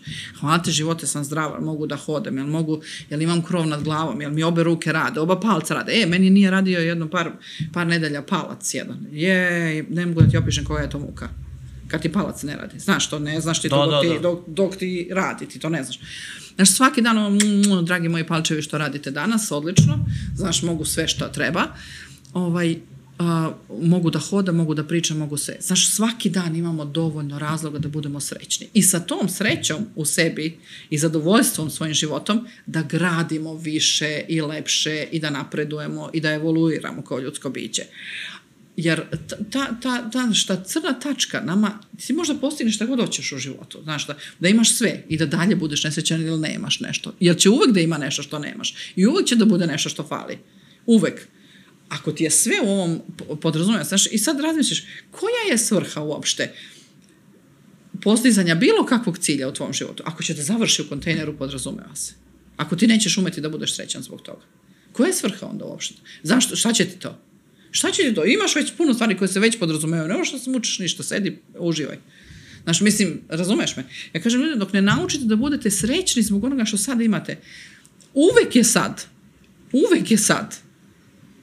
Znači, ne naučiš da budeš srećan ono što sad imaš, potpuno ti je svejedno šta imaš ili nemaš. Jer je uvek sad. Znaš, sad zastaneš i kažeš, hvala dragom Bogu, hvala životu, hvala univerzumu, nebitno je, znaš, ono u šta veruješ, šta god. Zahvali se sebi, nebitno je. Hvala tebi što, što ja imam ovo što imam i što jesam to što jesam i idem dalje sa tom energijom, sa tom idejom. I to, znaš, to nije samo NLP, zato ja kažem u ovome što ja podučavam nije, nije sve NLP, to nije, nije iz NLP, ali svejedno, svejedno je jako važno. NLP nam pomaže da postignemo ciljeve, ali ako su ti ciljevi onda u kontejneru podrazumeva se, onda smo džabe krečili, znaš. Jer ja mogu da imam, mogu da imam, ne znam, a, ajde kažemo golfa i da stanem na semaforu, vidim Mercedesa, znaš, i da kažem, ja, što bi ja volila da imam ovog Mercedesa, znači, ne, znaš, ja sam nesrećna u golfu. Sutra ću da imam Mercedesa, pored mene će da stane Porsche, znaš. Ja, što bi ja volila da imam to Porsche, razumeš? Ne kažem da ne Nikad treba. kraja toj... Nikad kraja toj igri. Ali na kraju kraja, znaš, ako si ti srećan s onim što ima, ni, ništa ne govori protiv toga da ti može steći još, imati više, ne veze. Ali ima smisla samo ako te to čini srećnim. Razumeš? Samo tad ima smisla. Ako te ne čini srećnim, potpuno je svejedno da li je golf ili Porsche na kraju krajeva. Znaš, jer ako ti gunđaš u tom Porscheu, kukaš i gledaš šta sve nemaš i nije ti ni do čega, džabe si se maltretirao. Znaš, mogu si da kukaš i u golfu. I da se malo i mučiš. Mislim sad... A to je to poređenje na koje se uvek vraćamo. Nije bitno koliko sam ja srećan, bitno je da sam srećniji od drugih, da ima više od drugih, jer ja ako imam to bogatstvo, nemam s kim da, da merim svakako... Ali vidi, uvek ima neko ko ima više. Ko, koga boli uvo? Znaš, koga zabole? Znaš, šta me boli uvo, ko šta ima, znaš. Da li ja, da li sam ja srećna danas sa onim što ja imam? Znaš, ako, ako sam, ne znam, stvorila sebi biznis i nisam srećna zbog njega, ako sam stvorila sebi decu i nisam srećna zbog njih, ako sam stvorila sebi brak i nisam srećna zbog njega, ako sam stvorila sebi stan i nisam srećna u njemu, znaš, to, to je ono čime treba da se bavim. Da se bavim sobom i da vidim kako ja mogu da postanem srećan s onim što, što, sada imam, jer sam se za to borila, da sebe potapšem po ramenu i da kažem, ej, svaka ti čast, u, uspela si u ovome i hajde da vidimo kako ideš dalje, jer ovo je super, idemo dalje sa onim e, što, što ću postići ću isto biti super, znaš. I, I to je ono što mene najviše boli. Mi živimo u zemlji koja je predivna, razumeš? Svi kukaju na Srbiju, kako je grozna, kako je ovako, kako je onako. Ej, pod broj jedan, ti imaš pravo da izađeš na ulicu i da se ne bojiš da će neko da te upuca. Znaš, e to nije, ne podrazumeva se to u svakoj zemlji. Na primer, ja sam imala goste iz Amerike. Prvo što me je pitao kad je došao kod mene, da li je ovde na ulici bezbedno? Jel može se izađe na ulicu? Znaš? I meni je trebalo vremen da mu objasnim da može slobodno da šeta gde god hoće i da mu se ništa neće desiti. Nije li to predivno? Da, da je čovjek došao u takvu zemlju. Ima zemalja u kojima se to ne podrazumeva. Čak ima i delova Amerike u kojima se to ne podrazumeva, u kojima ti kažu tu samo prođi. Znaš, nemoj da se tu zadržavaš. Nama neko neki prijatelj kao, vidite to da vidite, a kao samo prođite, pa neću bre ni da gledam šta ću da prolaš, a me briga, razumeš. Ovaj, onda imamo, znaš, imamo vodu. Ne znam da li ti nekad nestalo vode u stanu. Jeste. Kakav je to pakao? Da ti ne, Katastrofa. a da, sat vremena ti nestane, mi čupamo kosu, ja, užas. Ma ljudi bre koji nikad u životu nisu vidjeli tekuću vodu i česmu, znaš? Si, rodio si se tamo negde. A, a ti kukaš na Srbiju. Pa znaš, dođi mi oko da ih uhvatim, da kradu, da ih prodrmem, da kažem, mama bre, saberi se. Saberi se, ako ti Srbija ne valja, idi negde drugde. Ali ne kukaj, na, naš, ne kukaj, nije, zato što ćeš kukati i tamo kad odeš, isti đavo. Znaš, ti, ti nosiš sebe takvog šašavog gde god odeš, takvog e, na, na, natakarenog da stalno kukaš na nešto. Naćeš ti i tamo šta da kukaš, znaš, gde god da odeš. Šta je, šta je sad ultimativna država u kojoj treba da, da se bude, gde je, gde je bolje. Tamo ćeš isto naći to, zato što ti samo to tražiš. A traži ovde ono što valja. Je, mislim, uvek ćeš naći u, u svačijem životu nešto što je predivno. Znaš, ti imaš, gledaj onog Nik Vujičića, ja znaš da sam ja s njim pila kafu jednom i upoznala sam ga i imala sam priliku da sedim s njim jedno sat vremena u kafiću. Nik Vujičić, znaš, Da, da. Što je za mene i za tebe najnormalnija stvar, ovako uzmemo ovu šolju pa pijemo kafu, znaš, on nema čim da uzme to. Znaš, on mojoj drugarici kaže, e, aj mi dodaj kao ovaj espresso da popijem. Ona se sledila ovako, znaš. Ozbiljno. Pa što, mislim, razumeš, da. ona isto, moj, moja druga, naša drugarica Milan i ja smo bili zajedno, moj muž i ja, i on, ona sedi pored njega i on njoj kaže, aj mi dodaj kao ovu kafu. I normalno, ona, nje, ona je njemu dodala, znači sve je bilo super. Ali razumeš, i kad sedim sa tim čovjekom sat vremena, ja odem kući skakućući i kažem, hvala ti živote, hvala ti, imam ruke, razumeš, imam noge, ne treba mi ništa više u životu da budem srećna. I iz tog, iz toga ću da radim sve što radim. Znači, srećna sam sad, ovde, sa ovim što imam, pa ću da gradim dalje. Jel kapiraš? To je Da, ono da, što... ali ljudi to brzo, brzo zaborave nakon tog susreta sa Nikom Vujičićem, već posle par dana ljudi zaborave. Da, I zato mora da i se to vežba. Sve, e, to kako se to vežba? To mora da se vežba, znači to mora da se radi. Znaš šta, na mom sajtu, bukvalno, ja sam napravila jedan alat za vežbanje toga. Na mom sajtu imaš besplatno, skineš, dnevnik sreće se zove, bukvalno. Znači svaki dan, znaš koliko mi ljudi piše kako im je to život promenio. Sad kad sam krenula kod tebe, sam srela ženu koju nikad ja nisam videla u životu, koja mi je se zahvalila za sve što radim. Nikad nije bila ni na jednoj plaćenoj edukaciji, sve koristi moje besplatne stvari i kaže, pobedila je rak i mnogo je znači moj rad i to što radim. Verovatno je to nešto pomoglo od toga. Ali hoću ti kažem, besplatno na mom sajtu ima. To, to skidaju recimo um, uh, nastavnice pa daju deci, pa uh, roditelji pa daju deci, rade sa decom. Dnevnik sreće ti je um, alat koji ima nekoliko pitanja koja svaki dan otvoriš i kažeš na čemu si zahvalan danas? Kome si zahvalan danas? Šta je ono što si dobro uradio danas? Šta nam obezbeđuje to? Da odemo u krevet na spavanje sa mislima o, o, da fokusiramo svoj um na nešto što je dobro bilo danas. Jer nas šum funkcioniše ovako, znaš. A, vidimo recimo zalazak sunca koji je lepo, ono, znaš, tu ti izađe sunce, lepo ti vamo, vidiš, tri, dva, jedan, zaboravio si um je na problemu. Znaš, odeš kući, dete ti se nasmeje, ti kao, a, lepo mi je, tri, dva, jedan, problem. Razumeš me?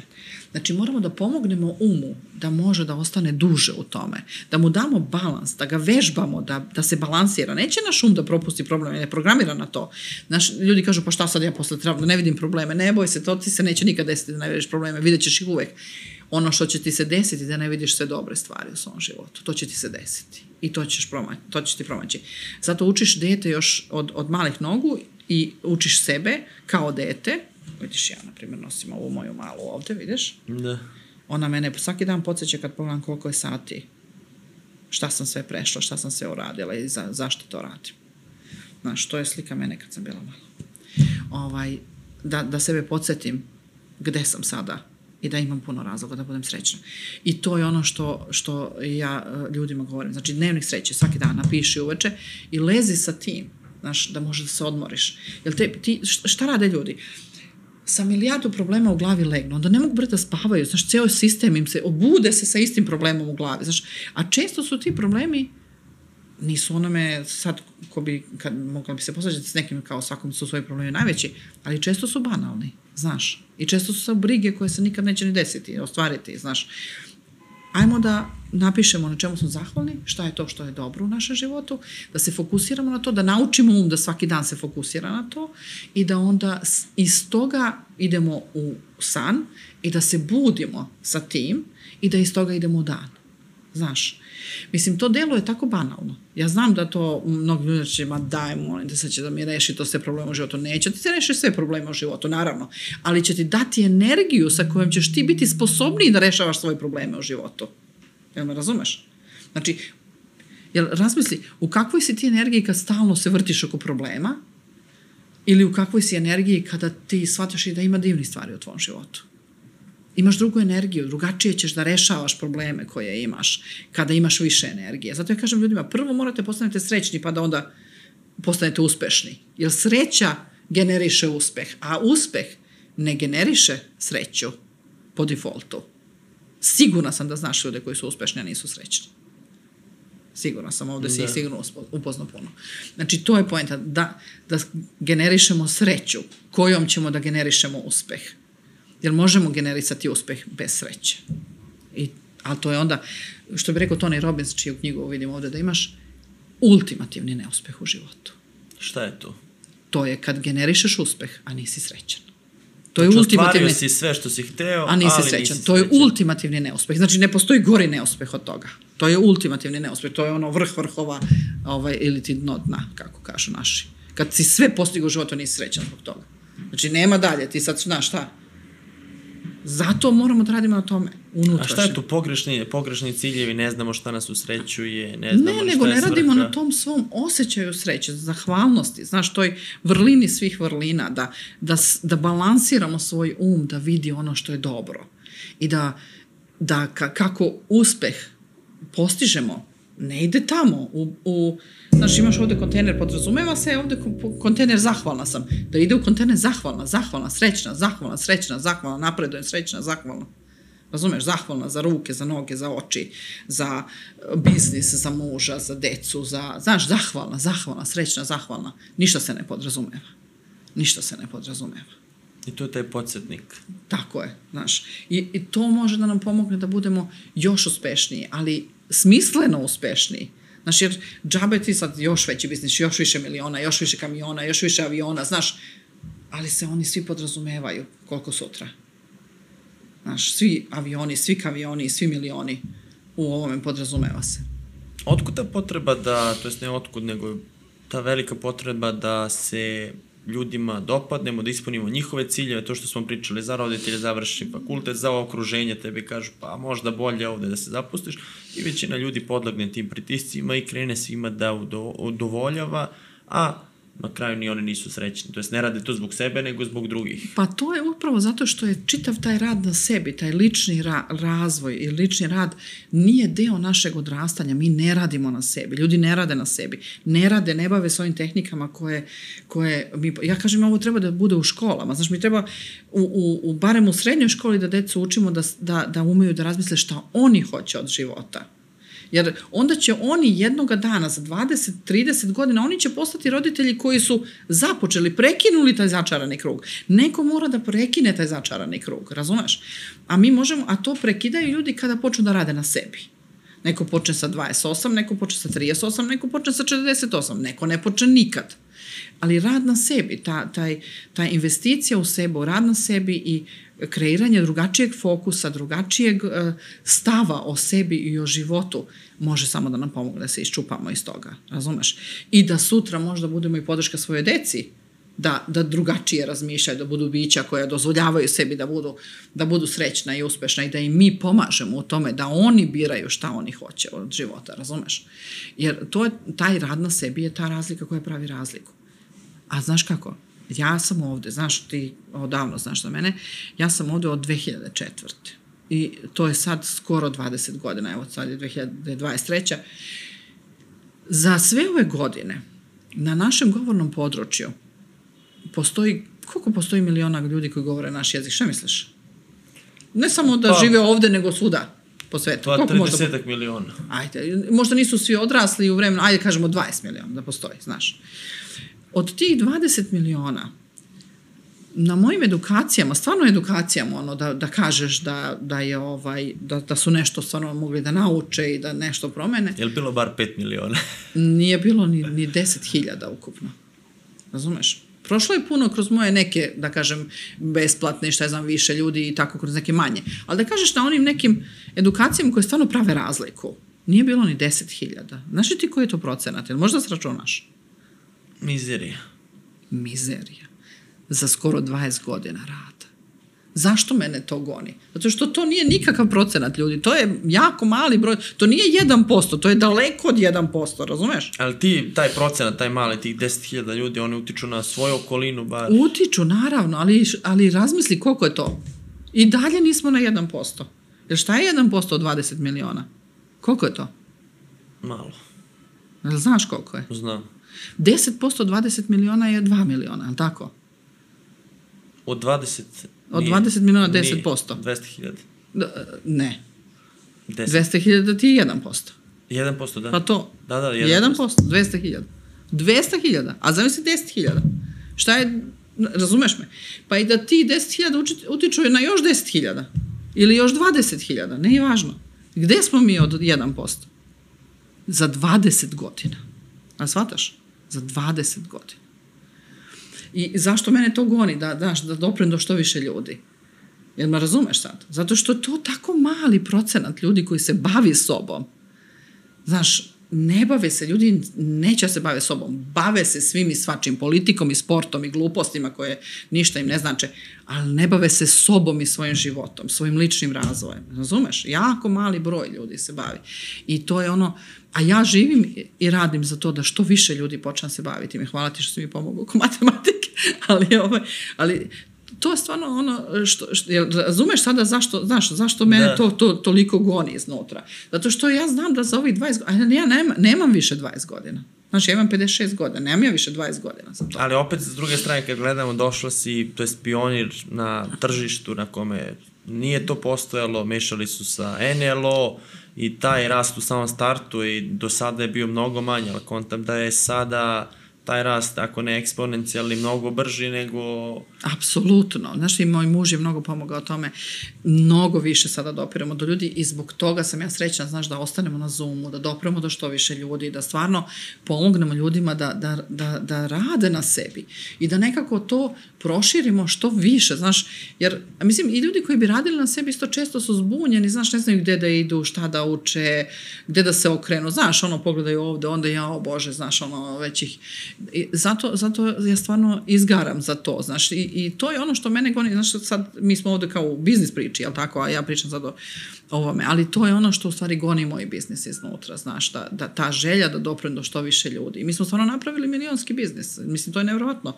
Mi, nikad to nije bila nikakva, uh, kako da kažem, glavna ideja vodilja, ali mi smo stvarno uspeli od ovoga da napravimo milionski biznis, što je redkost u svetu, ne, ne, ne kod nas, nego redko su svetu. Nama kad su bili za asocijacije iz Londona ovde, oni su bukvalno rekli da oni ne znaju ni jedan institut koji radi kao mi, znaš.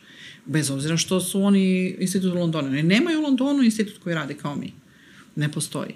Znači, a zašto? Zato što mene iznutra ta ljubav i želja da doprem do ljudi goni, znaš. Da, da, da što, što više ljudi doprem. Barem sa tim osnovnim stvarima. Znaš, ono da, da, da, da skinu dnevnik sreće pa da ga urade svaki dan. I da mi, post, znaš, meni ljudi pišu svaki dan kao što, koliko je to razliku napravilo u njihovom životu. Mislim, piše mi, na primjer, ne znam, napr ne mogu ti opišem koliko meni srce ugreje kad mi napiše učiteljica kako je ona odštampala svoj deci taj dnevnik sreće, svaki dan radi sa njima i oni su postali ovaj, za, zadovoljni i srećni i deca pitaju kada će da rade i tako dalje. Znaš, to, to su tako male neke stvari koje mi srce ugreju. Kad me sretne tako neko ko danas ko mi kaže da mu nešto znači to što ja radim. Nije važno što ona žena kaže kao ja, ja još nisam kao ništa platila, ja kažem pa ko da je važno? Jeste li vi, je li vama bilo korisno? Kaže ona pa jesam.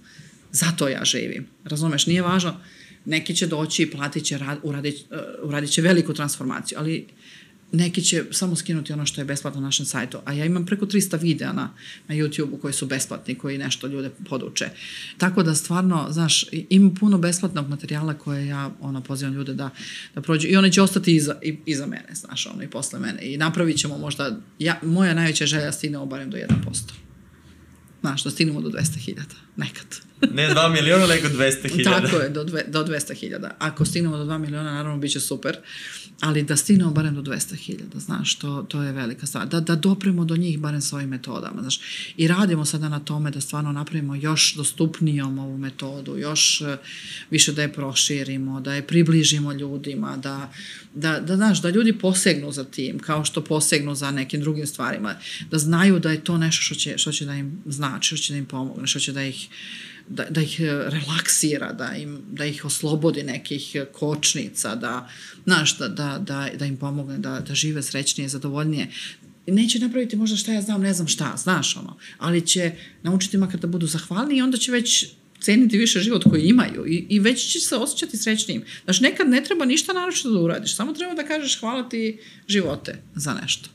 Odlično. Slavice, hvala ti što si bila gošća. Biznis priča što si podelila i svoj životni put, biznis put i svoju misiju i što smo ovako lepo zaokružili celu priču.